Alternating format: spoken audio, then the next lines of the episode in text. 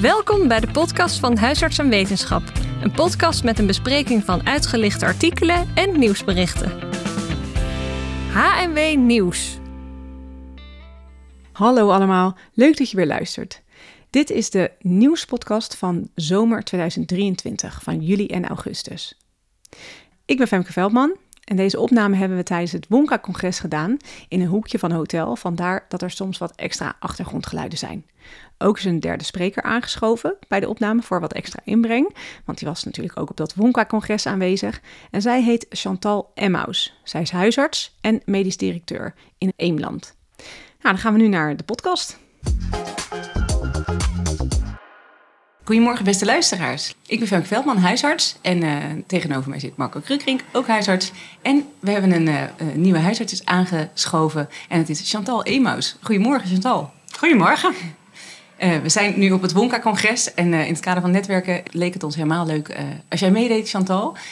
Chantal, kan je je even voorstellen? Ja, mijn naam is dus Chantal Emaus. Ik ben huisarts in Amersfoort, inmiddels 15 jaar. En daarnaast nu bijna 2,5 jaar medisch directeur bij Huisarts Eemland. En ik voel me vereerd. Leuk dat je meedoet. Dus we hebben flink wat gewicht, extra gewicht in de schaal vandaag bij de nieuwsitems. Oké, okay, nou ja. Voelt het druk. Ja, inderdaad. Nou, en we zijn dus uh, in Brussel bij het Wonka-congres. Daar hebben we het al veel over onderzoeken gehad. We gaan er vandaag ook zes uh, onderzoeken bespreken. Uh, onze stemmen zijn een beetje um, veranderd door het leuke feest van gisteravond. Zeker. dus alle lieden, alle huisartsen, volgend jaar denken aan het Wonka-congres. ontzettend leuk, met een leuk Westfeest. Nou, wat gaan we vandaag bespreken? Dat is ten eerste baclofen vermindert terugval in alcoholgebruik. En nummer twee is een cultuursensitieve video over baarmoederhalsscreening nuttig? Ten derde, de daling van moedersterfte in Nederland is gehalveerd. Ten vierde, nachtelijke bloeddrukstijging komt relatief vaak voor. Ten vijfde, denk aan de SGLT2-remmer bij diabetes type 2. En ten zesde, ouderen met niet-specifieke klachten op de SCH zijn kwetsbaarder. Nou, laten we beginnen met nummer 1, uh, Marco. Baclofen vermindert terug van alcoholgebruik. Ja, dus uh, excuus voor mijn uh, iets wat brakke stem, want ik denk dat die nog een toontje lager is dan normaal. Dus ik zal proberen duidelijk te articuleren voor de luisteraars in de auto. Mm -hmm. ja, dat gaat over baclofen, is een nou, toepasselijk onderwerp. Vermindert terugval in alcoholgebruik, want de medicatie die kan een onderdeel zijn van de behandeling van patiënten met een stoornis in het gebruik van alcohol. Er zijn verschillende medicatie die daarbij kunnen helpen. En uh, Paclofen die, uh, is daarop een aanvulling. Dat blijkt uit een Cochrane Review. Het idee is dat de afgifte van dopamine, wat vrijkomt bij het drinken van alcohol, wat wordt geremd door baclofen. waardoor het eigenlijk, nou, dopamine is je geluksstofje, dus dan is het minder lonend. En nou, als je dat aan mensen geeft, zijn mensen dan minder in de verleiding om te drinken. Hebben ze Cochrane Review, 17 onderzoeken, 1818 mensen. Uh, 70% was man, 56,5 jaar gemiddeld. Uh, in 10 onderzoeken werd gestart met baclofen na detoxificatie. En uh, 7 onderzoeken waren de deelnemers nog actief aan het drinken. Ik zie maar zo'n kroeg voor als ze binnenlopen en wil je meedoen. maar, ja, nou ja, dan is het bierglas half vol of half leeg. Want met baclofen uh, vielen 710 per duizend deelnemers die vielen uh, terug in alcoholgebruik. En als je zonder baclofen waren dat de 816.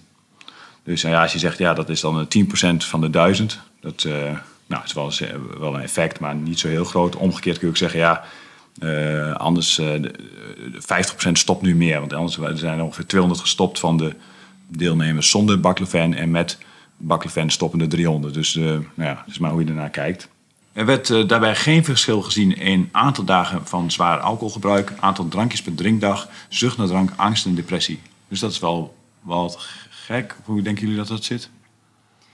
Ja, ik vind het een beetje tegenstrijdig als je een. Uh, je, je, je, je hebt dus minder beloning van het drinken. Dus ja. als je de ene alcohol, als je de ene drankje neemt, dan, uh, dan zal je minder snel die volgende dan pakken, denk ik. Maar er wordt hier dus bij gezegd dat het aantal drankjes per drinkdag hetzelfde is. Ik begrijp dat die zucht naar drank misschien wel hetzelfde is, maar ook het aantal drankjes per drinkdag. Dus als je dan toch gaat drinken, dan, dan zal je toch nog wel uh, flink blijven drinken. Ja, dat ja. vind ik gek, omdat je dus, ja, is dan die beloning echt wel zoveel minder met baclofen? Ja, ik kan me voorstellen dat je dus, als je drinkt, de beloning minder wordt en daardoor dus uiteindelijk niet opnieuw gaat drinken. Maar als je dus dat niet dat effect hebt en je gaat toch een glas alcohol pakken, dan heb je dus niet dat je beloningssysteem geremd wordt. Dus dan drink je net zoveel met als zonder baclofen. Ja. Ik denk Dus dat eenmaal- dat is wat er staat. Maar, Dus als je over de schreef gaat, dan is het... Ja, je gaat wel of niet over de precies. schreef. En als je over de schreef gaat, doe je eigenlijk hetzelfde gedrag dat je daarvoor deed. Of, Of, nou, het zou ook nog kunnen dat nu... eh, dit zijn subvragen, dus dat de power van dit soort vragen gewoon eh, te laag is. Dat zou nog, dat zou nog kunnen. Nou, en ik kan me voorstellen hè, dat eh, bij alcoholgebruik is de motivatie, of althans de reden waarom iemand verslaafd is of problematisch alcoholgebruik heeft, ook bij iedereen anders. Dus als dat minder op het beloningssysteem zit, maar misschien wel in het wegvluchtsysteem of nou ja, andere verslavingsgevoeligheid, dan heb je dat effect ook niet. ja. We handelen gewoon het verkeerde systeem. Ja, precies. Ja, Zoek een andere partner in plaats van baclofen. ja precies. Zoiets. Moeten we toch naar- weer naar de patiënt kijken? Ja, ja. Oh, oh, holistische geneeskunde. Kunst. ja, inderdaad. Ja, Eh, ik ben ook wel benieuwd hoe dat dan verhoudt tot refusal. Als je dan, hè, nou ja, wat is dan het effect van baclofen als je het vergelijkt met iets, met iets anders? Nu Ja. is het alleen maar vergeleken met, eh, eh, met een placebo volgens Ja. mij. Dan wordt dus eigenlijk echt een vraag: eh, ehm, eh, werkt belonen toch beter dan straffen? Want refusal is er natuurlijk echt. ja, daar word je echt knijter ziek van als je Ja. alcohol hebt gedronken. Ja. Als belonen niet helpt, dan moet je straffen. ja. Ehm, Ja, nou, ehm, verder waren er, er zijn natuurlijk bijwerkingen van baclofen. Maar vermoeidheid, duizeligheid, slapeloosheid en een droge mond. Maar dat was eigenlijk voor de deelnemers allemaal geen reden om daarmee te stoppen eh, vergeleken met placebo. Nou, hoe verhoudt zich dat tot de NRG standaard problematisch alcoholgebruik? Want daarin wordt gezegd, eh, een huisarts kan een verslavingsarts eh, consulteren voor eh, medicamenteuze ondersteuning. Nou, dan zeggen ze, nou ja, eh, doe dat nog steeds. En met deze review kunnen we baclofen eh, toevoegen aan de middelen die we kunnen gebruiken om eh, de alcohol te beteugelen. Ehm, ja, nou, leuk onderzoek. Zullen we naar het tweede nieuwsitem? ja. Is een cultuursensitieve video over baarmoederhalsscreening nuttig?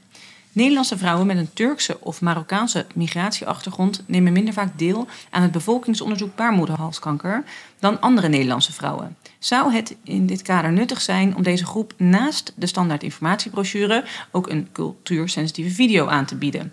Nou, In een Nederlands onderzoek werd nagegaan of een cultuursensitieve video helpt om eh, een geïnformeerde beslissing te kunnen nemen over deelname. Zij includeerde ruim 1500 vrouwen, 30 tot 60 jaar, 44% Turks, 56% van Ma- Marokkaanse migratieachtergrond.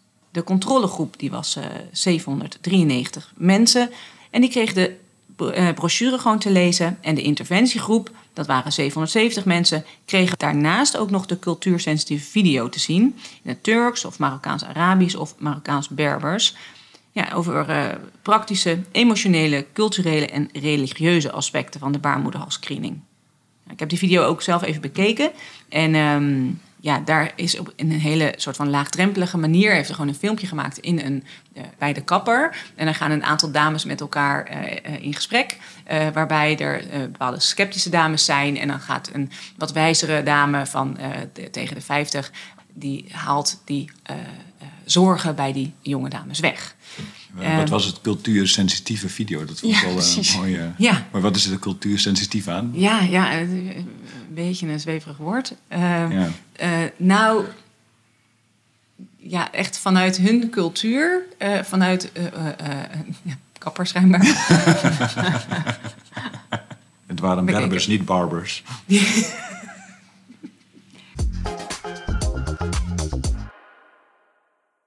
Kijken. De deelnemers waren relatief jong. Eh, onder de, eh, 56% was onder de 40 jaar. Ze waren relatief hoog opgeleid. 48%, dat is natuurlijk ook wel een beetje een kanttekening. En vaker tweede generatie migrant, dat waren er 58%. Ongeveer een derde van de vrouwen las de brochure. En de video werd bekeken door 96% van de vrouwen met Turkse migratieachtergrond... en door 84% van de vrouwen met eh, Marokkaanse migratieachtergrond. Nou, dat zijn echt weer enorme percentages die wel de video bekijken. Eh, wat waren nou de uitkomsten? Vrouwen met een Marokkaanse migratieachtergrond die die video zagen, lazen vaker de brochure. En het bekijken van de video had geen effect over de kennis over het bevolkingsonderzoek. Dat, dat is wel bijzonder, want eh, eh, je zou zeggen dat de kennis over het eh, baarmoederhalskankeronderzoek dan dus ook wat vergroot wordt. De intentie tot deelname of het nemen van een geïnformeerde beslissing, dat, daar had het ook geen effect op, het kijken van de video.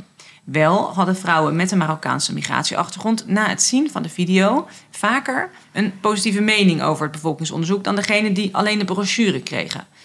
Dus samenvattend, Marokkaanse vrouwen die de video bekeken, die hadden dus niet meer intentie tot deelname. Uh, het had geen effect op de kennis. Uh, het enige wat er dus dan uitkwam, dat ze vaker een positieve mening hadden over het bevolkingsonderzoek. Is niet gewoon onderliggend dat gewoon het aanbieden van videomateriaal aantrekkelijker is dan het aanbieden van een brochure. Zoals we nu bijvoorbeeld bij thuisarts al heel vaak doen. Ja. Wat veel beter beklijft en waardoor mensen in ieder geval positieve beelden van hebben. En dan hoop je dat het uiteindelijk ook zich vertaalt in uh, meer deelname. Zullen we naar het volgende nieuws yes. Uh, dat is de daling van de moedersterfte in Nederland. Dus uh, goed nieuws. De laatste jaren is de moedersterfte in Nederland gehalveerd. Dat blijkt uit het recent promotieonderzoek van het LUMC. Hart- en vaakziekten zijn daarmee de meest voorkomende oorzaak van overlijden tot een jaar postpartum. Een vermijdbare factor is daarbij het diagnostisch delay, ook in de huisartspraktijk.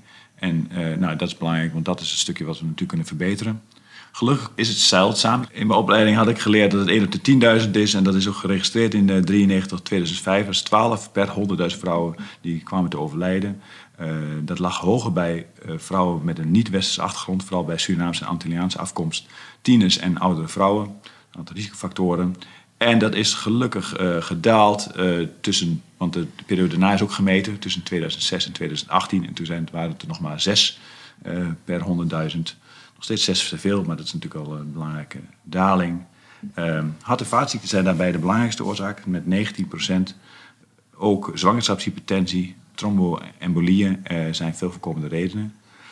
In de helft van de sterfgevallen waren er vermijdbare factoren, zoals communicatieproblemen door een taalbarrière, weigering door een patiënt van medisch advies en delay in het diagnostisch proces. En daarvan zeggen ze, ja, van dat delay in het diagnostisch proces komt 8,8 uh, voor in de eerste lijn.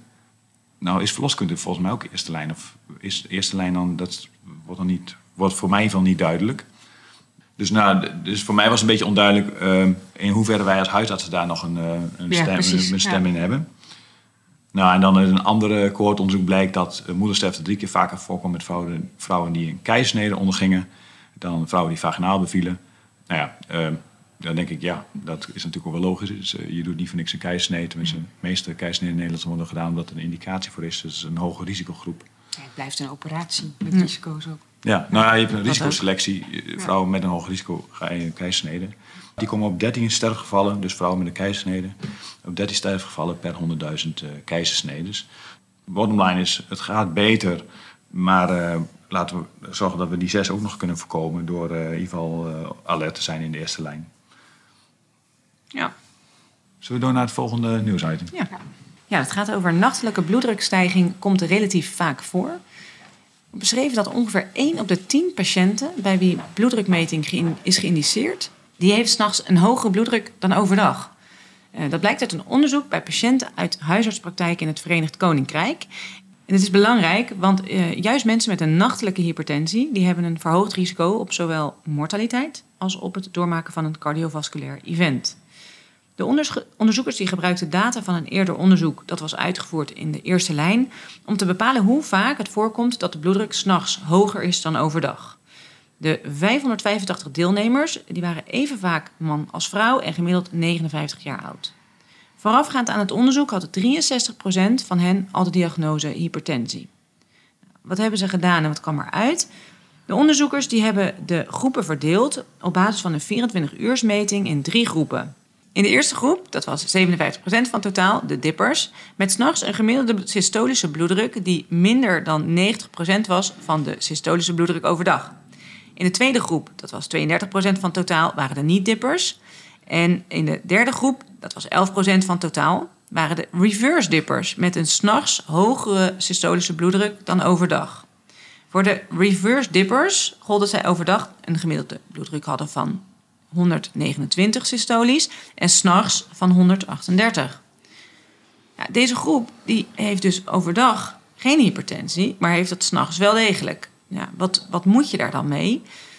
Voor het bepalen van de hoogte van de bloeddruk beveelt de standaard het cardiovasculair risicomanagement aan om meerdere spreekkamermetingen in korte tijd te verrichten. En bij patiënten met een uh, systolische bloeddruk van 140 tot 179 wordt aanvullende diagnostiek geadviseerd. En dan bij voorkeur een 24-uursmeting. In de standaard staat ook dat voor patiënten met een systolische bloeddruk van onder de 140 uh, wordt de uitkomst geduid als geen hypertensie. Mm-hmm. Ja, en in dit onderzoek dan is het wel een beetje de vraag. Want um, je hebt dus reverse dippers die overdag uh, mooie bloeddruk hebben van, 100, uh, van, uh, van krap 130. En die s'nachts een, juist een hoge bloeddruk hebben.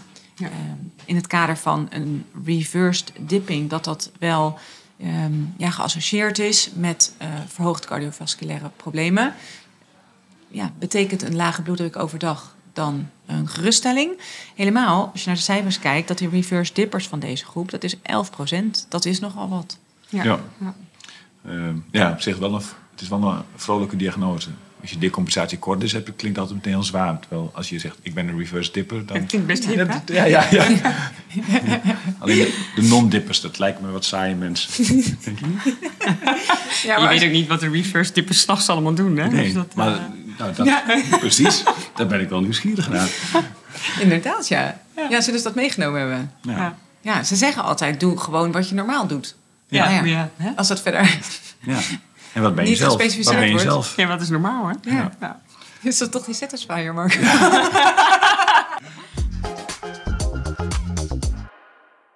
On a more serious note, er was wel uh, de studies dat, dat 15% van de mensen die, uh, dat die reverse dippers zijn. Dat was een andere studie uit van, van de Oxford University.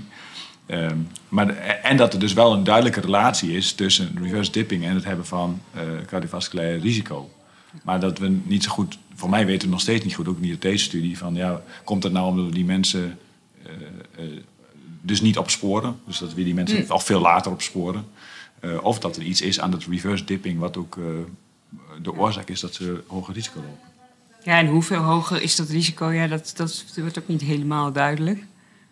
Nee. nee. Nou, en ik ben ook wel benieuwd, ik weet niet hoe vaak jullie nog 24 uur bloeddrukmetingen doen, maar wij doen bijna alleen maar geprotocoleerde thuismetingen of 30 minuten metingen, die 24 oh, nee. uur metingen. Ja, juist ja? wel. Ik ben dus helemaal afgestapt om nog in de spreekkamer, dat doe ik eigenlijk meer omdat de patiënt volgens mij dat wel eens verwacht. Ja. Doe, doe ik het nog wel, maar ja, dat zegt eigenlijk niks. En deze studie zegt dat het nog minder was. Meestal denk ik, nou, als het dan goed is, dan is het ook wel klaar. Maar ja, deze studie laat zien, oh, dan mis ik die reverse dippers nog. Ja. Um, en dus als ik het serieus wil en mensen denken, ja, die moeten levenslang aan een bloeddrukmedicatie, dan uh, doe ik ze bijna altijd wel een 40 uur meting aan. Want dan, ja, dan weet ik ook, dan heb ik ook goed in de handen, het is wel waard of het is niet wat. Maar gebruik je het niet vaker juist voor die witte jassenbloeddruk? Ik gebruik het meestal niet voor de reverse dippers. En het, het, is voor patiënten behoorlijk belastend, hè, die 24 uur meting. Ik weet niet of je s'nachts wel eens zo'n ding om hebt gehad dat elke uur opblaast. Je zou er een reverse dipper van worden. Maar, hè? Ja. dus, maar uh, volgens mij is de betrouwbaarheid van die geprotocoleerde thuismetingen aanzienlijk hoger nog dan, nee, in ieder geval van de spreekkamermeting, maar ook van die 30 minuten meting en die. Um, die 24 uur meting. Maar goed, ja. Als maar je zegt haal, dat je... haal je dan de reverse dipper er ook uit? Nou ja, dat is dus, ja, je mist dus 10 procent. Um, van die patiënten. Dus dan zou je toch iedereen ooit bij aanvang. Ik weet ook niet, bij eens een reverse dipper altijd een reverse dipper? Ja. ja. Nou, nachtelijk gedrag is nogal een verandering onderhevig, dus je zou verwachten van niet. Nou ja, of zou het een OSAS kunnen zijn? Hè? Dan moet je dan, uh, nou ja, moet je bij mensen met een hoge bloeddruk. Ik, ik, zou wat meer informatie willen voordat ik uh, iedereen aan de 24 uur meters uh, zet. Dus ja. more studies are needed. We moeten dat concluderen. Precies, Interessant gegeven. Het is wel een beetje het thema vandaag. Hè? Ja. ja. Is dat altijd het thema? Vaak. Vaak, uh, wat overigens in de NRG-standaard nog wel gezegd wordt over een verhoogde nachtelijke bloeddruk, dat is het enige wat daarover gezegd wordt. Um, dat, in dat, uh, dat, uh, dat wordt in het kader wel gebruikt om te overwegen van is er een secundaire hypertensie. Dus dat je dan nog eens even extra achter je oren kan krabben. Ja, ja, ja. Op basis van die OSA's wat jij ook noemde, toch? Ja, ook. Ja, inderdaad. Ja. All right. Nou, nieuwsitem nummer 5. Zit wel bij 5. Ja, en dat is, uh, denk aan de SLGT2-remmen bij diabetes type 2. Die mag vaker worden voorgeschreven bij patiënten met diabetes uh, die een zeer hoog risico hebben op hart- en vaatziekten. Een SLGT2-remmen... Rustig. SGL. Nee, maar het is ook een SLGT2. Het is niet SGL2. Je wilt toch? Een SGLT2-remmer mag wat vaker worden voorgeschreven. Ik moest even uh, schakelen, want ik sprak eruit dat het SLGT2, maar het is dus voor de SGLT2. Luisteraars, wie het nu nog kan volgen. um, dat is een ingewikkeld medicijn, niet alleen de naam. Sinds de aanpassing van de NG-standaard diabetes in november 2021 is dat uh, het advies om bij zeer hoog risico patiënten dat te starten. En in dit observationele onderzoek is gekeken of dat ook gedaan is tussen mei 2021 en mei 2022 in vijf gezondheidscentra in het Julius Centrum in Leidsterrein in Utrecht.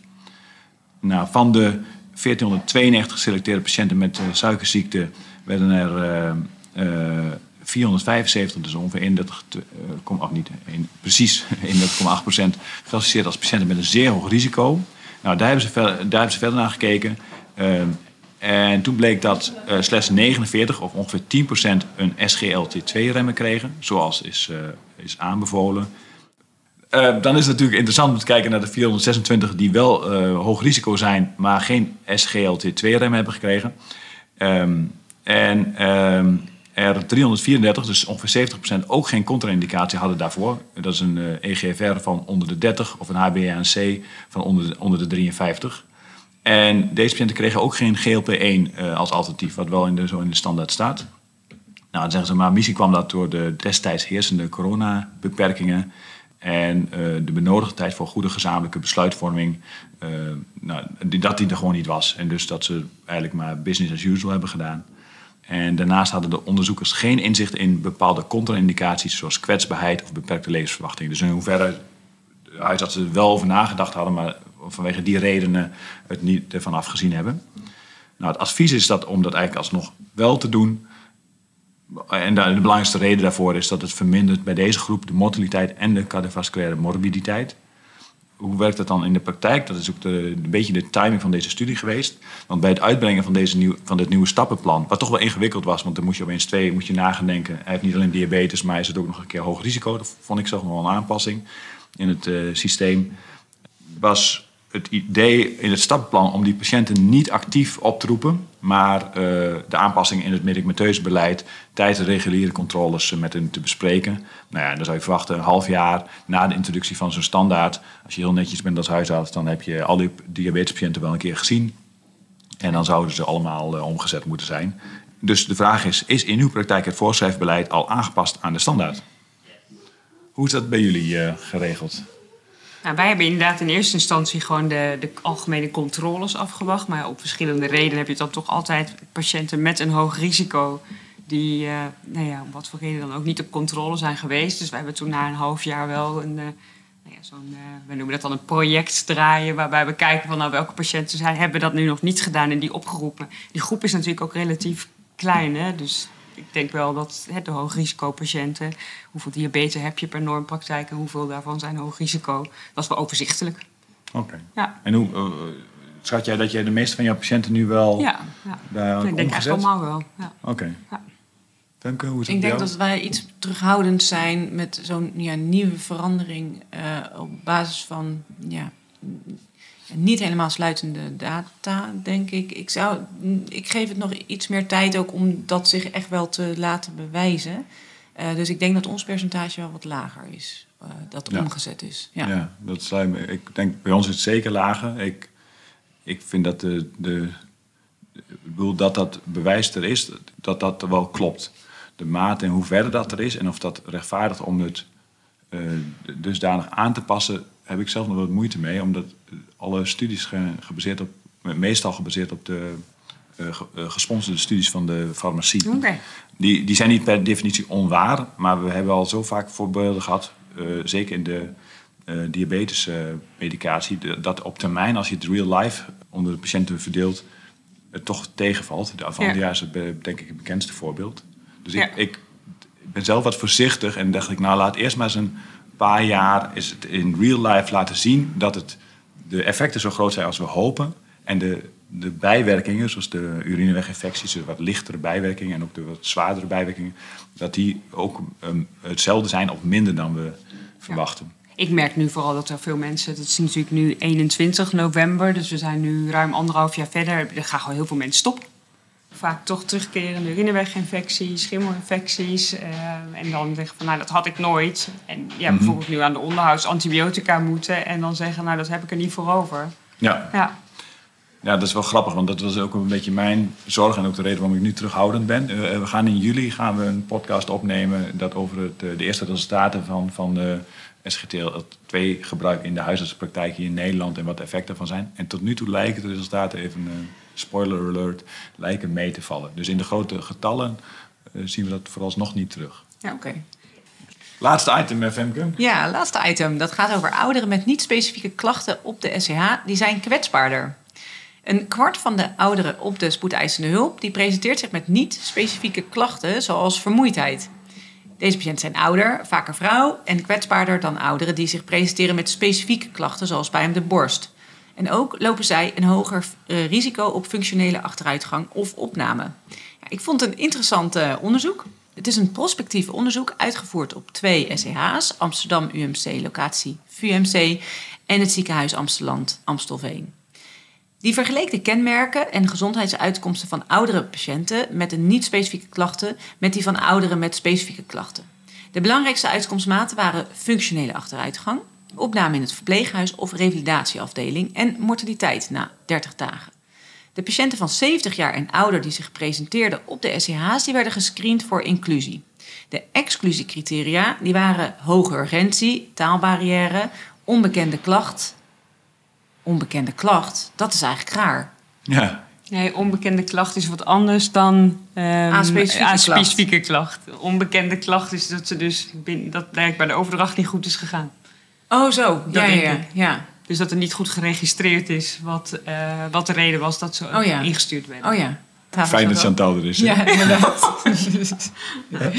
en dan gaan we door op de exclusiecriteria, wat wel belangrijk is om te weten. Ehm, eh, het, het is ook een kort verblijf op de SCH, die werd eruit gehaald. En geen informed consent mogelijk door mentale of cognitieve problemen.